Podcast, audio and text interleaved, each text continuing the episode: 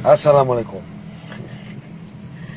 Kembali Dengan Bang Beni Membahas masalah hukum Barangkali berguna.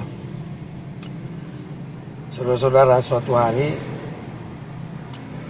Datanglah seorang Laki-laki Konsultasi.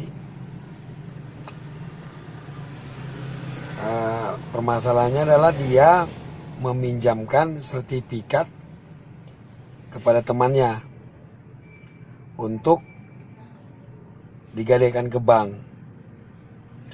Rupanya si teman ini butuh uang, lalu dia minjam sertifikat kawan ini.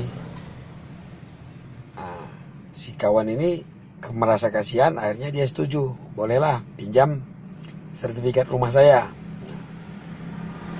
Kemudian si temannya tadi mengatakan begini, bro, tapi harus ada syaratnya. Syaratnya apa? Ini sertifikat kan atas nama kamu. Jadi kata orang bank nggak bisa, harus pakai atas nama saya. Lalu si kawan mengatakan, terus bagaimana jalan keluarnya? Kita buat dulu apa akte jual beli seolah-olah kamu menjual sama saya nah, baru bisa saya gadaikan oh nanti nggak apa-apa nggak apa-apa kan kita pura-pura aja pura-pura jual beli.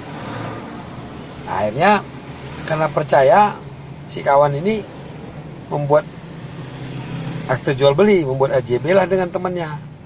Lalu temannya menggadaikanlah sertifikat itu ke bank. Ternyata si teman ini tidak membayar cicilan ke bank.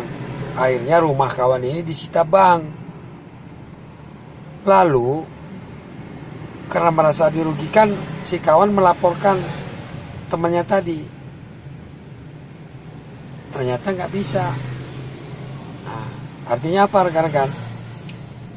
Ketika kita membuat akte jual beli, ya mau beneran mau bohongan itu hukum nggak peduli. Yang penting kita sudah menandatangani, kita membuat akte jual beli.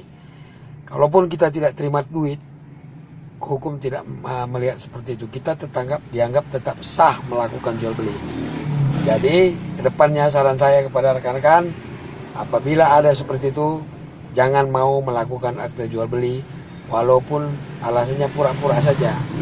Karena di hukum tidak ada pura-pura. Ketika kita tanda tangani akte jual beli, maka sahlah jual beli terjadi, walaupun kita tidak menerima uangnya.